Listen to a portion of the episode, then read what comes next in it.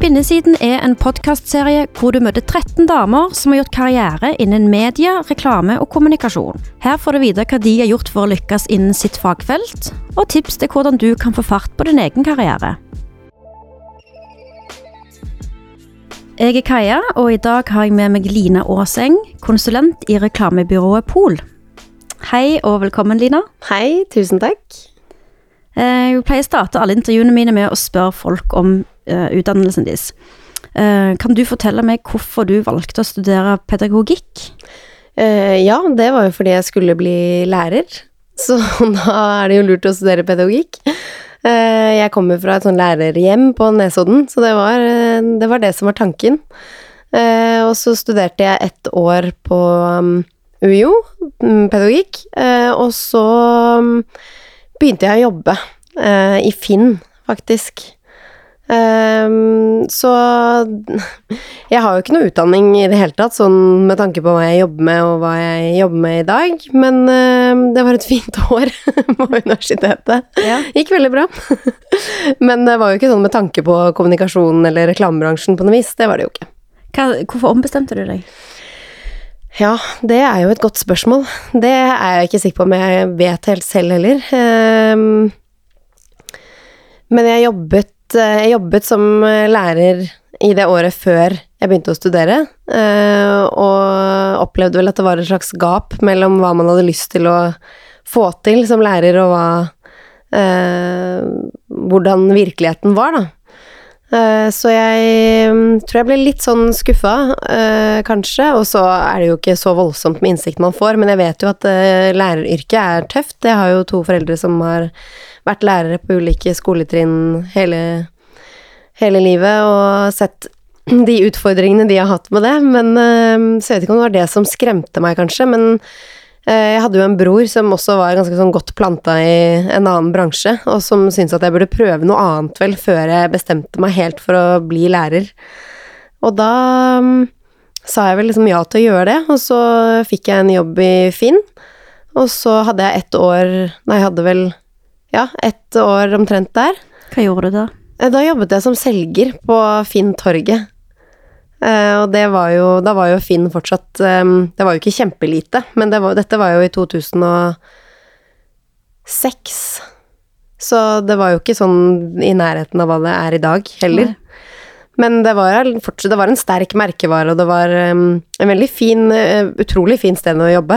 Um, men så kom det jo da andre muligheter, når man først hadde satt foten innenfor der, og da, da ble jeg bare der. Og så har det jo skjedd mye siden det, men uh, det, var, det var jo litt tilfeldig, absolutt. Mm.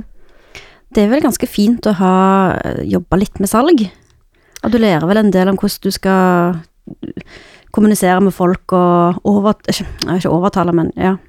Ja, altså salg er jo en god skole, vil jeg si. Um, det er jo en krevende jobb, eh, fordi det er jo et yrke som um, medfører at du får en del kjeft. I hvert fall når du jobber med telefonsalg. Eh, Men samtidig så var jo Finn en veldig sånn takknemlig merkevare som folk var glad i, og som de hadde et godt forhold til, så det var jo ikke en sånn veldig utsatt eh, salgsrolle. Eh, Det var mest fint, og, og vi fikk til masse gøy også. Det var akkurat da bedrifter kunne begynne å annonsere på Finntorget og lage sine egne små nettbutikker egentlig der. Så det funka jo kjempebra, og det Jeg hadde jo aldri kunnet jobbe med det heller, hvis jeg ikke visste at dette var et godt tilbud til de som eh, jeg skulle selge til. Og det var det absolutt. Så det var eh, mange koselige små kunder som jeg fikk gleden av å hjelpe litt sånn på nett. Fra sånne små butikker på hjørnet som kunne få litt større nedslagsfelt. Så det var, det var morsomt. Mm. Og så begynte du i Group M, eller i Outrider. Mm, det gjorde jeg, og det også var um, Det var nok ganske sånn definerende, tror jeg, fordi For det som har skjedd senere, fordi da begynte jeg å jobbe med um, i det som da het Outrider, som jo høres ut som en MC-klubb, men uh, det er jo ikke det. Det var et uh, byrå som satt sentralt i Group M, som jobbet med det som da var helt nytt fra Google, som eh, hvor vi jobbet med AdWords eh, og betalt markedsføring i søkemotoren, i tillegg til eh, det organiske, da, og søkemotoroptimalisering for å komme høyere opp i det organiske søket. Og dette var jo helt eh, dette var jo helt nytt, eh, og har jo vært premissgiver for alt som har skjedd av digitaliseringen i eh, bransjen for øvrig de årene etter. Eh, Så det er klart at det var en fantastisk skole å bare lære seg webanalyse, budgivningssystemene, som jo det aller meste nå er tufta på på et vis, da. Så det var jo helt eh, eh, fantastisk å komme inn på den eh, Komme inn på den med den timingen, egentlig. Eh, for det ga meg jo kunnskap som ga meg et, eh, et fortrinn, egentlig, resten av Og fortsatt, helt sikkert. Ja. Som gjør at man har en forståelse for systemer og hvordan det digitale kjøpsmønsteret på en måte er utviklet, da. Så det var nok en stor fordel, da jobbet jeg lenge eh, med de ulike byråene i Group M, eh, og det gikk jo kjempebra. Vi var jo en stor suksess, og jeg hadde Jeg var jo bare 22 da jeg begynte å jobbe med det, så jeg var jo fortsatt ung, men fikk masse ansvar eh, og lærte meg mye om hvordan man på en måte driver den type byråer, og hadde, hadde budsjettansvar og var liksom Det var en utrolig lærerik periode for meg. Og da var du en del av et ganske lite fagmiljø, egentlig, siden det var, sånn som du sier, helt i starten av eh, Ja. Det var jo um. Det var, kom jo flere og flere byråer som drev med det samme. Noen kjempeflinke, og ganske mye sånn cowboyaktig virksomhet, da. Vi hadde jo masse um, Det var jo mye sånn problematikk med folk som kjøpte hverandres brand, og det var mye litt sånn um, det var mange måter å gjøre både den betalte og den organiske jobben på, da. Og det ble jo flere sånne saker med, både i Norge, men også ellers i verden, med folk som hadde jukset på det organiske og bare skrevet mange like ord på hvitt på hvit bakgrunn og sånne ulike metoder for å manipulere algoritmene, da. Så det var jo, det var jo en helt ny disiplin, da, som var i fremvekst. Eh, som det skulle være, vise seg å være veldig smart å kunne en del om. Mm. Var det et bevisst valg? Dette jobber jeg med fordi det er helt nytt, og da kan jeg lære masse? Nei, det burde jeg jo si, at det var et kjempebevisst strategisk valg av meg, men det var nok ikke det. Det var en sånn periode i livet hvor jeg nok var litt sånn usikker, det skjedde en del ting eh, i livet mitt som gjorde at jeg nok var litt sånn bortkommen på et vis. Eh, og mm, det var svigerinnen min som startet eh, Outrider, og som jobbet i Mindshare fra tidligere, og som var helt overbevist om at dette var fremtiden, at dette var det veldig lurt å lære seg noe om. Så jeg ble vel eh, ble vel bare Det var vel hun som klarte å på en måte å overtale meg til å bli med, da. Eh, Hun mente at eh, der kunne jeg lære masse som jeg kom til å få glede av senere, og det hadde hun jo helt eh, rett i. Eh, Så det, det var også ganske tilfeldig, vil jeg si, at det ble sånn. Og så um, Du blei i Group M, men du flytta over til Mindshare. Mm. Og den stillingen, den er jo litt sånn tricky. Ja, den er kjemperar. Ja, det er jo en sånn det? Nei, hva er det? Det vet jo ikke jeg heller. Jeg har aldri visst. Men det er jo en eh, sånn tøysete tittel som kom fra Altså, Group M er jo et globalt eh, WPP-selskap. Eh, og det var et eller annet eh, sånn adaptive planning som jeg tror handlet om Eh, jeg tror at tanken sånn globalt fra sentralt hold var at eh, det handlet om å endre seg raskt og tilpasse seg lynkvikt til nye liksom, medietekniske løsninger og sånn. Eh, men sånn i praksis så fikk jeg på en måte bygge opp egentlig en egen sånn performance-avdeling og håndtere mye av det digitale i Mindshare. Eh, så vi bygde opp For de la jo ned Outrider, eh, som jo satt sentralt, og da var det jo sånn at Mediacom hadde jo bygget opp en veldig god enhet hele veien selv, eh, men så er det en del mindre byråer i Group M som ikke hadde de samme ressursene og ikke hadde den samme muligheten til å gjøre det. Eh, Så det handlet for meg mest om å prøve å bygge opp noe av det vi manglet da, da de la ned Outrider, eh, og, ta litt sånn styringen på det digitale, egentlig, i Mindshare. Men den tittelen er jo helt meningsløs. Så var du ganske lenge i Group M, sånn ca. sju år. 20 eller 7? Sånn. ja, det må nok ha blitt noe sånt, ja. Ja. Eh, så gikk du videre til Tri, Ja. som er ja, fra mediebyrå til reklamebyrå. ja. Hvordan var den eh, Hvorfor valgte du det? Ja, nei, det var jo også kjemperart. Jeg har jo bare gjort eh, rare ting eh, uten å aldri Jeg skulle ønske at jeg hadde en sånn veldig sånn tydelig historie om alle de strategiske lure valgene jeg har tatt, men det har jo egentlig aldri vært sånn. Um, nei, det var jo også litt sånn tilfeldig. Uh, egentlig var det sånn fordi da jeg jobbet i Mindshare, så hadde vi kontor rett vis-à-vis statsministerboligen. Uh, og der bodde jo Jens, for han var jo statsminister da. Og for Jens jobbet eh, en som het Sindre Beyer, som um, hadde jobbet for han lenge, og han fikk jeg litt kontakt med eh, etter jeg hadde invitert Jens over på lunsj. Ja. og han kom ikke på lunsj, men han kom en annen dag og hilste på, på kontoret, da. Eh, og så hadde jeg litt kontakt eh, frem mot valgkampen det året med, med, med Sindre. Eh, fordi det var jo åpenbart at Altså, dette var jo også Jens Stoltenberg var jo, var jo langt fremme på egentlig bruk av digitale medier til kommunikasjon med velgere. Eh, og Sindre var jo litt sånn hjernen bak mye av det. Så vi eh, bestemte oss for å bare prate litt sammen, og vi skulle Vi hadde jo også en del kunnskap, åpenbart, om hvordan man bruker de mediene på betalt plass. Eh, Så vi skulle snakke litt mer om det. Eh, Og så begynte jo Sindre å jobbe i Try det mm, sommeren etter, tror jeg. Eh, Og da eh, kalte han meg inn til en liten prat der med Kjetil. Uh, egentlig bare for at de ønsket å høre litt om hvordan verden så ut digitalt fra et mediebyråperspektiv. Uh, men så sneik de seg til en liten, eh, et lite forslag. eh, og da var vel jeg Jeg hadde det veldig fint i Mindshare. Det er en utrolig fin gjeng og en god, veldig god kultur og fine folk som er der.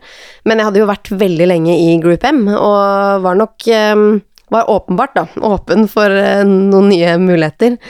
Eh, så, mm, så da bare bråbestemte jeg meg for å gjøre det, rett og slett. Mm. Og da havna jeg jo i Try. Hva gjorde du der, da? Hva gikk stillingen din ut på?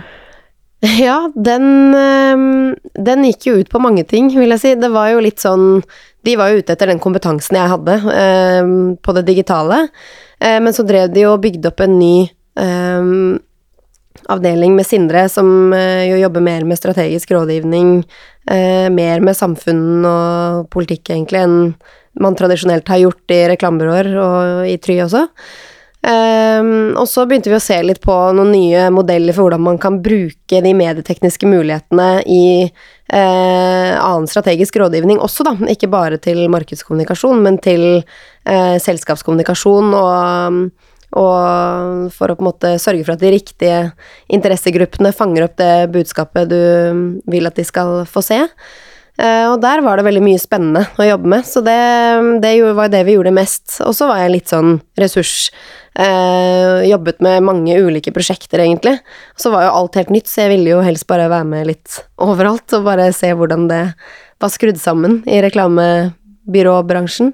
Og så etablerte vi Opt, um, som jo er et performancebyrå som sitter nå i i um, Tryhuset eh, med utrolig flinke folk som gjør jo veldig mye av det samme som jeg drev med før, da. Eh, Jeg lurer litt på hvordan det ble mottatt eller hvordan du ble mottatt i Try, for det er jo et eh, kreativt og rel var i alle fall da på den tida relativt tradisjonelt reklamebyrå. Så kom du inn der fra mediebyrå og liksom den Som ikke alltid er Man er ikke alltid bestevenner når man er, sitter på hver sin side av det bordet der. Ja, nei, det var um, Hele reklamebransjen er jo egentlig voldsomt skeptiske til eh, folk fra mediebyrå, syns jeg. Det funker på sånn samarbeid når man liksom er på hver sin side, som du sier. Men det å skulle ha liksom folk inn Ikke at jeg er den første som går fra mediebyrå til reklamebyrå, men, eh, men det, det må man jobbe litt med. Det du må gjøre deg fortjent til, eh, til den tilliten. Men herregud, det gikk jo veldig bra. Folk i Try var veldig mm, glad, de, for eh, å få en litt sånn annen type konsulent inn, som hadde annen type kunnskap. Jeg opplevde at det egentlig gikk veldig fint. Eh, Det er mye bedre enn jeg kanskje frykta Ja. på forhånd. Eh, Det var nesten verre i Sølvmikken-juryen. Det var sånn eneste mediebyråfjes der. Uh, der var det, de var litt ærligere på at uh, da jeg kom inn der Det var jo før jeg begynte å jobbe i Try, da. Eh, men nei, det gikk veldig fint, altså. Det var en hyggelig gjeng som uh, syntes det var sunt med litt ny type kompetanse. Så, så jeg må si at jeg syns det gikk bra. Ja. Så gikk du på en måte fra å være den digitale spesialisten til å bli litt mer en um, generalist? Ja, absolutt. mye mer kanskje strategisk og Ja, det var jo litt sånn eh, Den sluttfasen i Mindshare og den overgangen til Try gjorde jo at man eh, fikk breddet seg godt ut, så da hadde jeg liksom gått veien fra søk i 2006, var jo ekstremt nisjete, eh, og en sånn veldig spiss eh, fagdisiplin. Eh, men hvis du klarer å sette det liksom inn i en litt større kontekst, da, så er det jo veldig nyttig kunnskap å ha med seg når du skal bredde ut og favne om litt flere fagområder. Så det mm, det følte jeg kom litt sånn sakte, men sikkert. Så jobbet man bredere, og så fikk man eh, allikevel liksom bruk, veldig god bruk for den kompetansen jeg hadde sånn fra, fra starten av. Så, men det, ja, i Try så var det jo full bredde.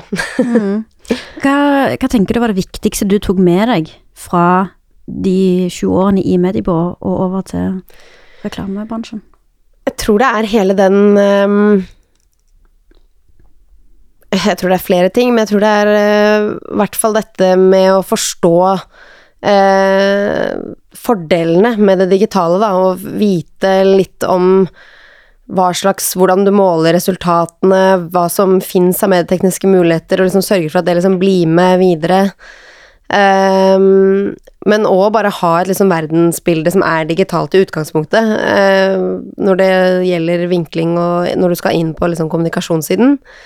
Eh, men det er jo ingenting uten at du har resten av hodet på plass, og at du forstår både samfunnet rundt deg og kundenes utfordringer og Så jeg tror ikke det er litt sånn Jeg tror ikke du må ha enten det ene eller det andre. Jeg tror det bare handler om at du er nødt til å være god til å på en måte se eh, det store bildet, og så mm, lever vi bare i en tid hvor du er nødt til å ha kontroll på de digitale mulighetene, fordi alt er jo digitalt, på en måte. og og um, det gjør det jo lettere å jobbe med mediebyråer mediebyråer i dag, f.eks. At jeg forstår litt av hvordan de er skrudd sammen, og hvordan de tenker.